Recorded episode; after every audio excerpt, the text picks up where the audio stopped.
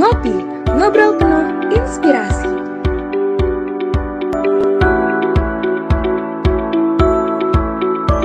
Yuk berani banting setir ke bisnis. Halo, selamat malam Sobat Ngulik. Gimana nih malam minggunya? Lagi bersemangat di rumah? Atau lagi pada nugas? Tapi jangan lupa ya, buat balik ke sini, buat nonton terus, Ngopi Podcast, ngobrol penuh inspirasi bersama aku Dias. Dan aku Hansel. Nah, di episode kali ini kita kedatangan siapa sih Kak Hansel? Oke Dias, jadi pada acara Wopi Podcast kali ini kita bakal kedatangan tamu narasumber yang penuh inspirasi tentunya. Nah, beliau adalah Kak Okta Wirawan. Nah, Kak Okta ini merupakan founder dan CEO dari PT Abindo. Nah, selain itu, beliau juga pernah menjabat sebagai Head of Operation di PT Mega Mahadana Hadiana. Selain itu juga pernah menjabat sebagai Senior Market Research Manager di PT Trans Retail Indonesia dan juga uh, pernah menjabat di berbagai perusahaan swasta lainnya. Nah, tanpa berlama-lama lagi nih Dias, kita langsung sapa aja yuk Kak Okta. Halo Kak Okta. Halo, halo, halo semua. Ya. Yuk. Halo, gimana nih Kak Alhamdulillah kabarnya? baik. Gimana kabar semua, sobat mulik semua? Mudah-mudahan sehat selalu dan selalu dalam kehidupan Allah Subhanahu wa taala ya. Amin, amin ya rabbal alamin. Nah, sebelum kita lanjut uh, ke topik podcast selanjutnya nih Kak, mungkin kita lebih baik kalau misalkan kenalan dulu nih Kak. Baik. Nah, mungkin boleh nih Kak ceritain tentang educational background Kakak, perjalanan karir Kakak, dan juga mungkin aktivitas yang saat ini Kakak lagi lakukan. Baik. Ah, sebelumnya perkenalkan saya mungkin eh, nama dulu ya, Okta Wirawan, biasa dipanggil Okta. Dulu di Fakultas Ekonomi Manajemen jurusan manajemen angkatan 37 dan itu angkatan pertama. Jadi di angkatan pertama itu eh, panjang ceritanya kalau diceritain bisa satu SKS. Jadi kita eh, angkatan pertama belum punya kakak kelas dan memang baru didirikannya manajemen pada saat itu belum punya kampus khusus juga. Eh, Alhamdulillah eh, banyak banget pelajaran yang bisa didapetin di angkatan pertama waktu itu dan eh, itu sebagai eh, background dari dari sebelumnya kami.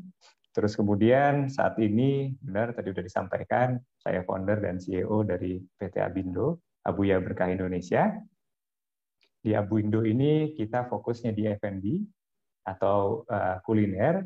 Ada 9 brand saat ini yang kita bawahi dan ada 60 cabang yang sudah di bawah Abindo. Ada kedai Abuya, mungkin bisa kelihatan di sini dan belakang. Kedai Abuya, ada Bakmi Madinah, ada ya Trek Dasran, Hello Bakery, dan beberapa brand lainnya. Totalnya ada 9 brand yang ada di bawah di Abindo.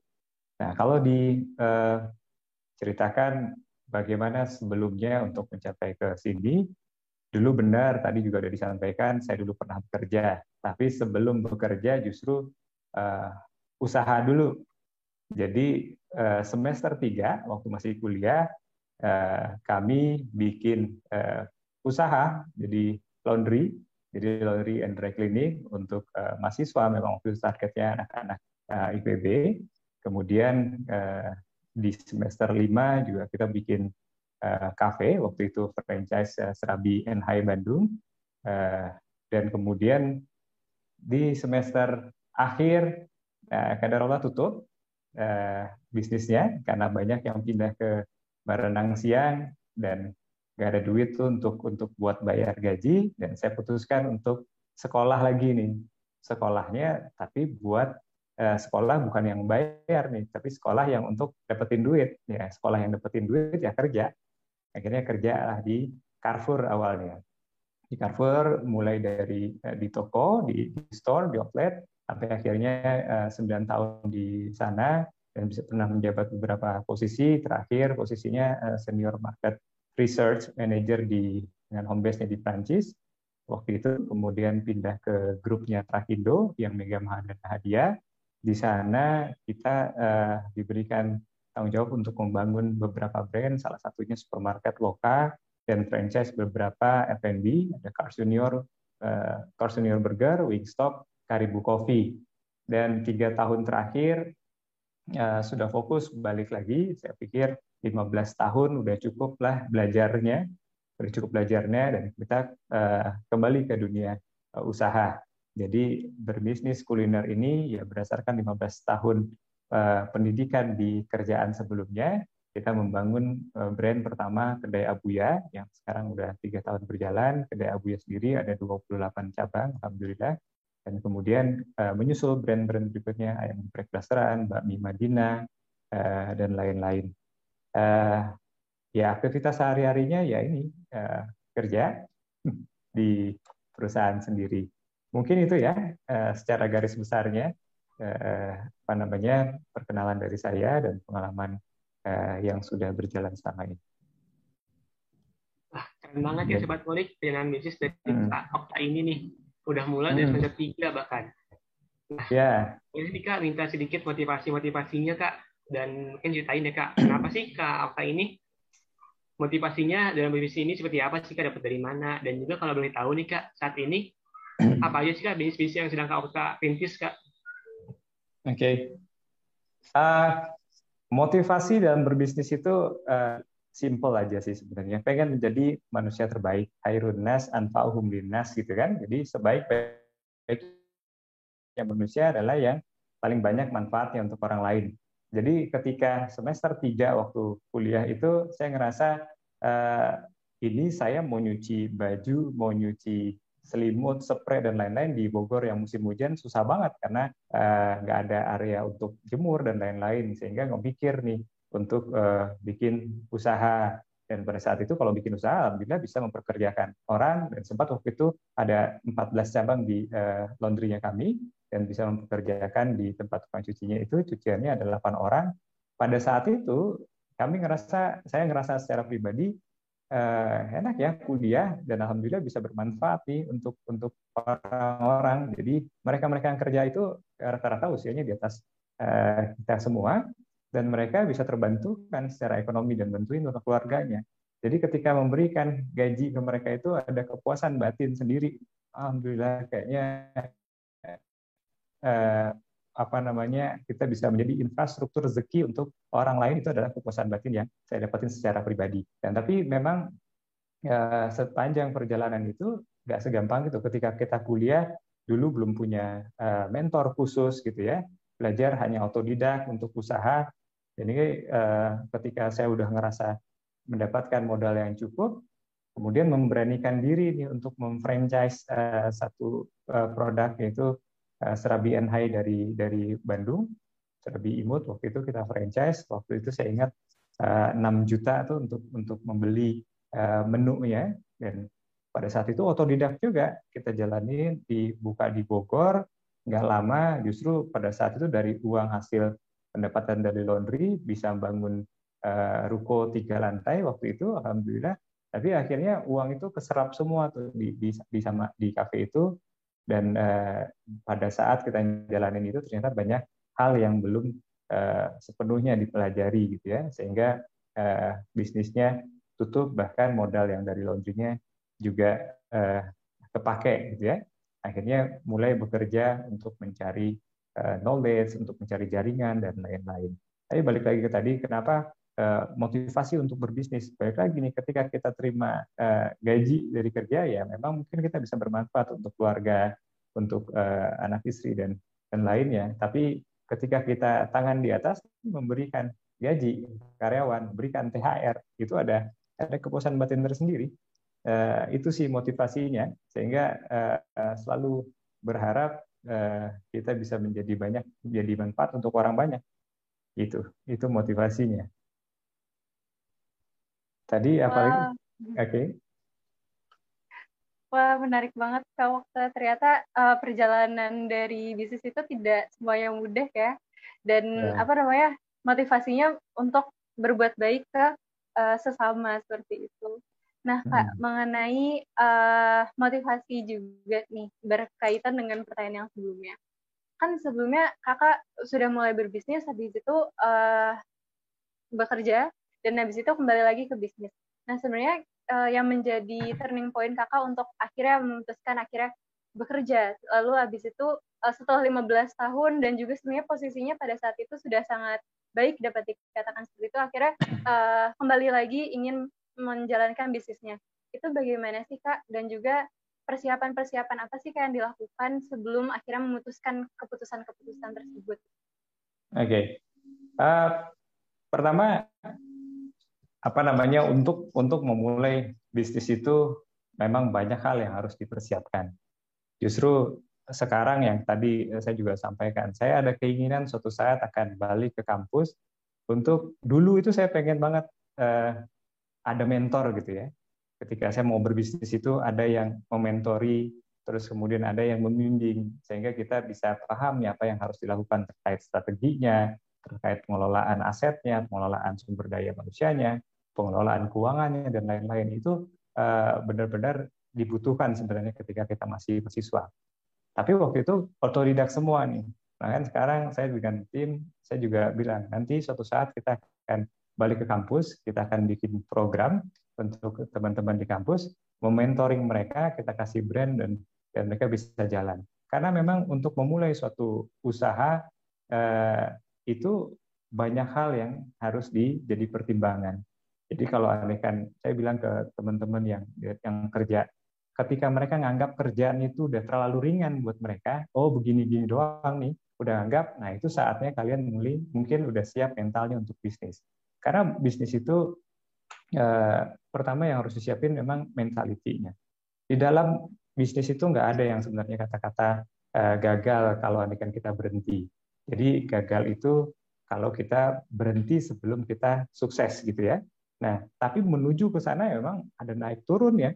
Ada naik turun eh, yang memang harus persiapan pertama adalah mentalnya. Jangan sampai kita down. Karena waktu saya mulai bisnis di masa kuliah, ketika eh, nggak sesuai dengan dengan harapan pada saat akhir bulan harus bayar gaji dan lain-lain nggak ada duit untuk bayar gaji itu uh, stres tuh. Ketika memikirkan bisnis itu sampai uh, mules-mules tuh. Jadi mentalnya yang belum siap. Jadi saya pikir wah ini kayaknya belum ready ini. Harus belajar dulu gimana jadi anak buah gimana rasanya dipimpin gimana punya tim gimana membentuk tim dan lain-lain sampai akhirnya Eh, setelah 15 tahun kerja memang sengaja tuh memang visinya dari awal saya mau bekerja pengen belajar. Jadi ketika kerja di satu perusahaan pun satu dua tahun saya mesti pindah departemen. Pindah belajar pertama di operation store operation. Setelah pelajari store operation pindah ke finance. Di finance saya juga pindah ke tim uh, apa namanya untuk cost saving, agent tricks dan kemudian procurement bagian pembelian, business development dan lain-lain dipelajarin semua.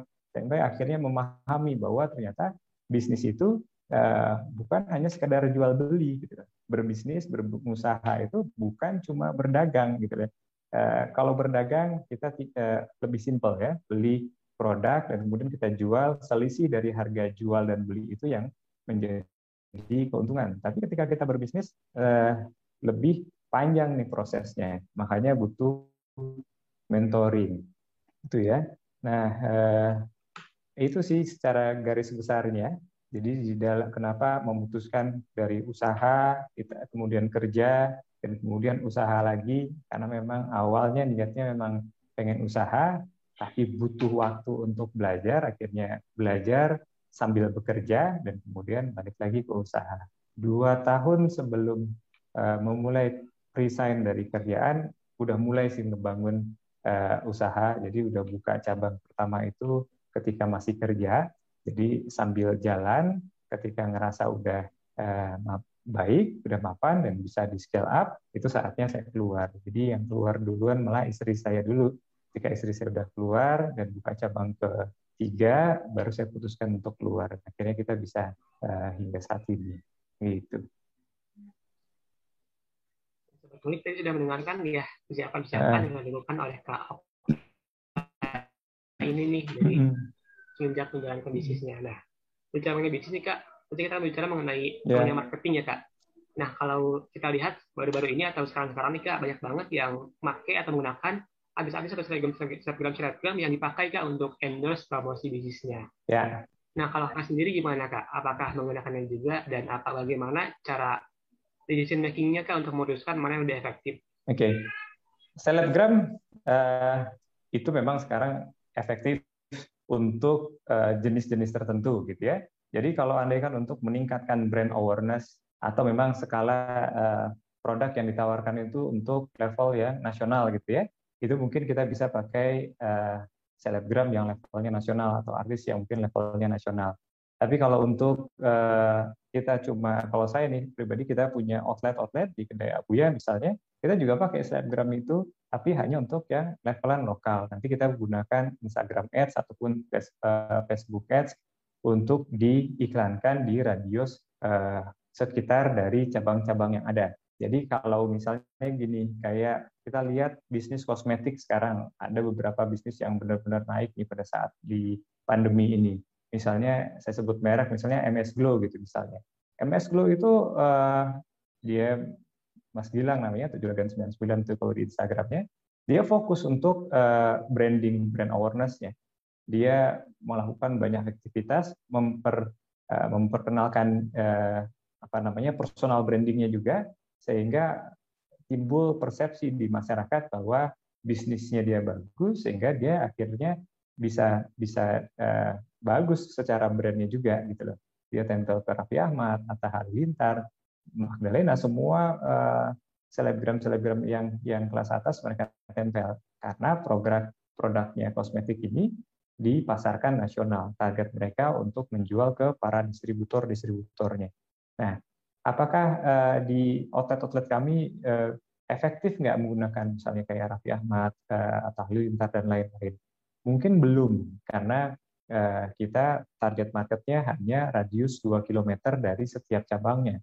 Jadi yang kita gunakan pakai eh, influencer ataupun selebgram lokal, dan kemudian konten yang mereka kita iklankan di Facebook Ads ataupun Instagram Ads dengan memilih radius 2 km sesuai dengan target marketnya kita. Gitu. Jadi bisa di, kalau disimpulkan, efektif nggak? Ya tergantung dari targetnya kita, sasarannya kita mau apa. Kalau mau nasional, kita pakai selebgram yang level nasional. Tapi kalau ini kan untuk levelan lokal, eh, radiusnya mendekati outlet, ya berarti kita cukup menggunakan FB Ads ataupun Instagram Ads. Mereka kita pakai untuk bikin kontennya. Gitu. Oh, berarti kalau misalkan hmm. seperti itu, keputusan untuk marketing itu juga harus disesuaikan dengan market kita dan juga uh, tujuan dari kita sendiri gitu ya kak. Betul, betul. Jadi uh, objektifnya yang paling penting. Jadi jangan sampai kita keluarkan cost uh, marketing, tapi justru akan backfire nih, malah boncos nantinya. Karena sekarang kalau kita gunakan Instagram misalnya, di Instagram itu uh, kita punya 100.000 followers. Ketika kita bikin feeds, itu uh, paling yang akan muncul hanya di lima persennya aja lima persennya doang yang akan bisa ngelihat uh, postingannya kita. Itu pun juga lima persen kalau mereka yang sering nge-like ataupun komen tuh di, di feeds-nya kita. Masalahnya mereka yang sering komen dan like itu belum tentu target marketnya kita yang ada di radius outlet-outlet uh, yang ada gitu ya. Jadi uh, kita kita harus harus pahami banget nih ketika kita mau ngiklan atau kita mau marketingin sesuatu, objektifnya itu apa? Gitu. Nah, hmm. nah gitu ya sobat ngulik harus tentuin dulu objektif kalian apa untuk hmm. marketingnya. Nah, mungkin selanjutnya nih kak, bagaimana sih menurut kakak uh, mengenai apa aja yang harus kita persiapkan sebagai anak muda yang ingin terjun ke dunia bisnis? Dan kira-kira bagaimana sih kak untuk kita uh, membuat keputusan agar uh, tidak mengalami kegagalan. Oke, okay. yang pertama harus dipersiapkan memang mental. Yang pertama mental. Yang kedua knowledge.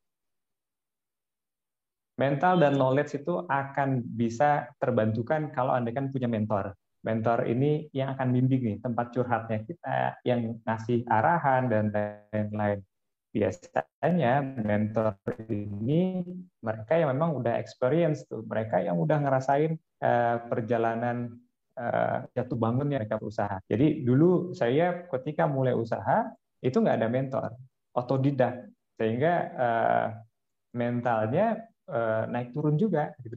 Jadi ketika bagus ya merasa paling hebat, ketika turun merasa paling bego gitu ya. Padahal sebenarnya bagus itu bukan karena kita, jeleknya pun juga belum tentu karena kita. Gitu kan mungkin ada eh, strategi-strategi yang memang nggak pas. Nah, kalau kita belajar tapi nggak langsung praktek, juga belum tentu ilmunya langsung benar-benar diterapkan. Tapi ketika ada mentor, ketika kita memutuskan sesuatu, kita akan tanya mentor ini ada problem seperti ini, eh, apa nih eh, tindakan yang harus diambil gitu ya. Jadi mental, siapin knowledge, siapin cari mentor. Mentor bisa berjalan sih sebenarnya, tapi dua hal itu jangan sampai Eh, kita boleh berhenti eh, sekolah, boleh berhenti kuliah, tapi jangan berhenti belajar, gitu ya. Terus eh, apalagi tadi, maaf, jadi untuk mempersiapkan agar tidak mengalami tidak mengalami kegagalan. Oke. Okay. Kegagalan, jadi balik lagi tadi saya sudah sampaikan juga. Kegagalan itu sebenarnya nggak ada. Gagal itu ketika kita berhenti sebelum mencapai titik sukses gitu ya. Jadi kalau kita jatuh bangun dalam usaha itu wajar. Tapi kalau andikan kita nggak berhenti, tetap jalan terus, ya kita belum gagal ya. Tapi tetap aja terus jalan. Cuma kita harus memaintain yang namanya uh, resiko gitu ya. Misalnya contoh, ketika kita mau usaha, jangan pakai utang kalau bisa. Jadi bukan kalau bisa sih, jangan pakai utang misalnya. Karena ketika kita punya utang berarti ada beban yang memang sudah harus dibayar. Ya. Ketika kita fail, kita uh, bisa habis-habisan tuh. Kenapa banyak ada orang yang bilang, wah dia bangkrut, harus jual rumah, harus jual mobil biasanya. Itu kalau mereka punya utang gitu ya. Tapi kalau anda kan bekerja atau berbisnis, mulai jalan tanpa ada hutang, bahkan kita bisa bisa berbisnis tanpa mengeluarkan modal sama sekali Misalnya contoh kayak kita beberapa brand kayak Bakmi Madinah ataupun Hello Bakery-nya yang saya bikin itu tidak ada modal sama sekali pakai nol rupiah. Jadi hanya ada investor, rekanan yang kita punya konsepnya, terus kemudian mereka mau invest. Jadi kayak kedai Abuya pun juga dari 28 cabang, 18 cabang itu punya mitra. Mitra itu yang nanti kita dapat eh, penghasilan tambahan selain dari penjualan ada kemitraan fee, kayak franchise fee gitu ya, kemitraan fee, terus kemudian kita bisa dapat income dari uh, bahan baku, pengelolaan uang, pengelolaan kedainya. Jadi kalau di bisnis itu juga harus cari eh, potensi-potensi yang bisa menghasilkan duit. Misalnya contoh kayak McDonald gitu misalnya ya, di kuliner. McDonald itu penjualan produknya itu hanya bed-nya aja. Mereka dapatin marginnya kecil dari penjualan makanannya. Mereka justru mendapatkan mulai eh, margin lebih besar dari penjualan merchandise-nya. Tapi nanti back end yang paling atas mereka justru mainnya di properti gitu ya. Jadi ada properti yang mereka uh, bisniskan. Atau misalnya kayak pesawat Lion Air. Lion Air dari penjualan tiket reguler, Lion Air itu bahkan rugi itu sampai ratusan miliar konon katanya dari penjualan tiket. Nah, kita bingung nih, kok uh, pesawat uh, jasa tapi jualan tiketnya malah rugi. Tapi ternyata mereka bisa dapetin middle end dari pendapatannya mungkin dari logistik, kargo, pengiriman barang, bahkan back end-nya malah jualan pesawat gitu Mereka bisa dapat quantity volume yang besar dari pembelian ke Boeing, dia dapat harga diskon, kemudian dia bisa menjual harga pesawat lebih murah dibandingkan Boeing ke yang lain yang tidak memiliki yang tidak membeli kuantiti yang lebih besar. Nah, di dalam bisnis pun juga kita harus sama mikirin. Kita punya saya punya di bisnis kuliner juga sama. Jadi penjualan produk yang kita jual di cabang-cabang outlet itu itu hanya bednya aja. Tapi kita bisa dapetin income tambahan dari uh, front end ataupun middle end-nya. Itu bisa dari kemitraan free atau bahkan nanti bisa back end-nya ke main di properti gitu ya. Begitu sih kira-kira. Ya. Begitu sobat ngulik dalam mempersiapkan untuk kerja bisnis uh. kita perlu beberapa. Ada hmm. mental, hmm. ada knowledge, juga ada mentor. Iya. Nah, buat Kak Oka nih, sejauh ini Kak dalam bisnis, apakah Kak Oka memiliki tantangan-tantangan ya Kak dalam menjalankannya? Dan kalau boleh tahu apa sih tantangannya? Dan juga Kak, yang sejauh ini, sejak memulai bisnisnya, butuh berapa tahun sih Kak untuk bisa kelihatan hasil dari bisnis itu Kak? Oke, okay. tantangan pasti banyak banget. Terus kemudian berapa tahun menghasilkan itu juga uh, bervariasi. Jadi kalau tantangan di bisnis, eh, tadi juga disampaikan ber, uh, beberapa kali, tantangannya banyak. Ketika kita bisnis, kita harus uh, bisa mengukur segala hal, mulai dari hulu ke hilirnya. Gitu ya. Kita ambil contoh di bisnis saya ini kuliner. Di bisnis kuliner, uh, pemenangnya adalah mereka yang bisa mendis mendistrupsi market, gitu misal. Contoh, kami bisa jual ayam goreng atau ayam bakar plus nasi plus sambal plus es teh manis hanya 10.000. Nah, 10.000 itu pasti kalau secara uh, harga mungkin bisa dibilang murah banget ya. Bisa makan pakai ayam plus es teh manis cuma 10.000 rupiah gitu kan. Tapi untuk mendapatkan harga 10.000 itu tentu ada beberapa persiapan. Pertama adalah bahan bakunya. Nah, bahan bakunya itu kita harus bisa mendistrupsi. Ketika kita uh, melakukan hal yang normal, misalnya kita beli ayam di pasar, harga ayam di pasar sekarang 40.000 per kilo. Terus kemudian kita beli berasnya di uh, supermarket gitu misalnya. Itu juga harganya rata-rata sekarang udah 12.000 per kilo. Kalau itu dijumlahkan semua, tentunya harga akan lebih tinggi daripada 10.000 rupiah nih. Nah, berarti kita tidak akan mendapatkan margin dengan penjualan itu. Nah, tantangan pertamanya adalah gimana caranya kita bisa dapetin harga ayam semurah mungkin, terus kemudian dapetin beras semurah mungkin, cabai semurah mungkin, dan kemudian kita bisa olah sebaik mungkin. Nah, itu sebenarnya yang yang, yang harus diperhatikan uh, pertama kali ya tantangannya bagaimana kita bisa menemukan bahan baku bahan baku mendisrupsi harga market sebaik mungkin. Nah, mungkin kalau di kuliner panjang nih pembahasannya untuk bagaimana cara dapetin bahan baku ya. Tapi garis besarnya adalah kalau volume kita makin banyak, kita pasti akan bisa lebih rendah. Saya kita beli satu kilo ayam dengan satu ton ayam harganya beda. Makanya kita butuh banyak cabang nih biar harga uh, belinya kita lebih rendah. Begitupun dengan beras, cabai dan lain-lain. Itu tantangan pertama dari sisi bahan baku. Kemudian pengolahan. Pengolahan kami menggunakan central kitchen ada industri dari central kitchen itu kita ngolah semua karena eh, biasanya di kuliner tantangannya adalah di sumber daya manusianya ini. Jadi ketika eh, rame, kokinya ngerasa bagus, pinter, terus besoknya dia eh, resign dan pulang, nah itu pasti akan menjadi tantangan gitu kan di sumber daya manusianya. Yang ketiga dari sisi uh, locationnya juga sama. Lokasi kalau andikan salah memilih lokasi juga akan masalah. Lingkungannya pun juga akan menjadi tantangan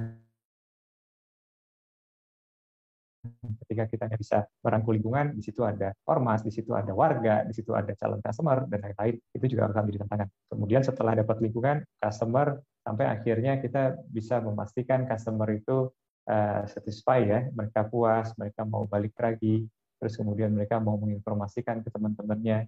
Jadi kalau bisa dibilang tantangan di bisnis ini, ya dari hulu ke hilir, kita harus uh, jagain tuh gawangnya satu demi satu gitu ya. Tapi ketika kita kerja misalnya di bagian akuntan gitu misalnya. Kita bagian pembukuan ya, kita cuma fokus di bagian pembukuan aja, udah profesional di sana. Kalau waktu itu saya pernah di bagian procurement, bagian pembelian di ya saya fokus hanya untuk mencari bahan-bahan eh, baku yang harganya murah aja. Jadi spesifik, nggak perlu mikirin penjualan, nggak perlu mikirin eh, lingkungan dan lain-lain. Tapi kalau di bisnis ya A sampai Z-nya kita harus basahi. Terus kemudian berapa lama baru ketemu hasilnya. Ketemu hasil itu dari hari pertama. Jadi ketika kita bisa menjual satu produk, kita dapat duit, nah itu udah ada hasilnya gitu kan. Nah, masalahnya sekarang bagaimana hasilnya itu bisa mencukupi menutupi OPEX cost yang ada, bisa menutupi uh, depresiasi uh, aset, sewa dan lain-lain. Kan di situ. Nah, di situlah harusnya ke kejelian dari kita kalau kita mau mau mau bisnis. Kita ngelihat nih potensi salesnya itu berapa. Saya dulu juga waktu di Carrefour pernah di site analis di market research. Di situ kita menghitung nih ketika kita buka cabang Carrefour di satu kota itu potensi salesnya kira-kira berapa. Nah, kalau andaikan misal, let's say, uh, potensi salesnya 100 miliar per tahun gitu misalnya. Nah, dari 100 miliar per tahun itu, kita bisa turunkan tuh berapa maksimum investment yang kita harus taruh di sana, berapa maksimum labor cost-nya, OPEX-nya, karyawan gajinya, dan lain-lainnya. Kita bisa turunkan di sana. Kita misalnya mau jualan uh, lontong sayur gitu misalnya. Kita anggap nih, kita siapin lontong sayur itu 30 porsi aja gitu ya. Nah, kalau kita punya 30 porsi harganya rata-rata 10.000, berarti kan penjualan kita nanti maksimum makan 300.000. Berarti kalau bisa dibilang hari kapan kita bisa dapat hasilnya? Di hari pertama kita jualan dapat 300 ribu kita dapat hasil. Tapi 300 ribu ini marginnya 50 persen berarti punya margin 150 ribu gitu ya.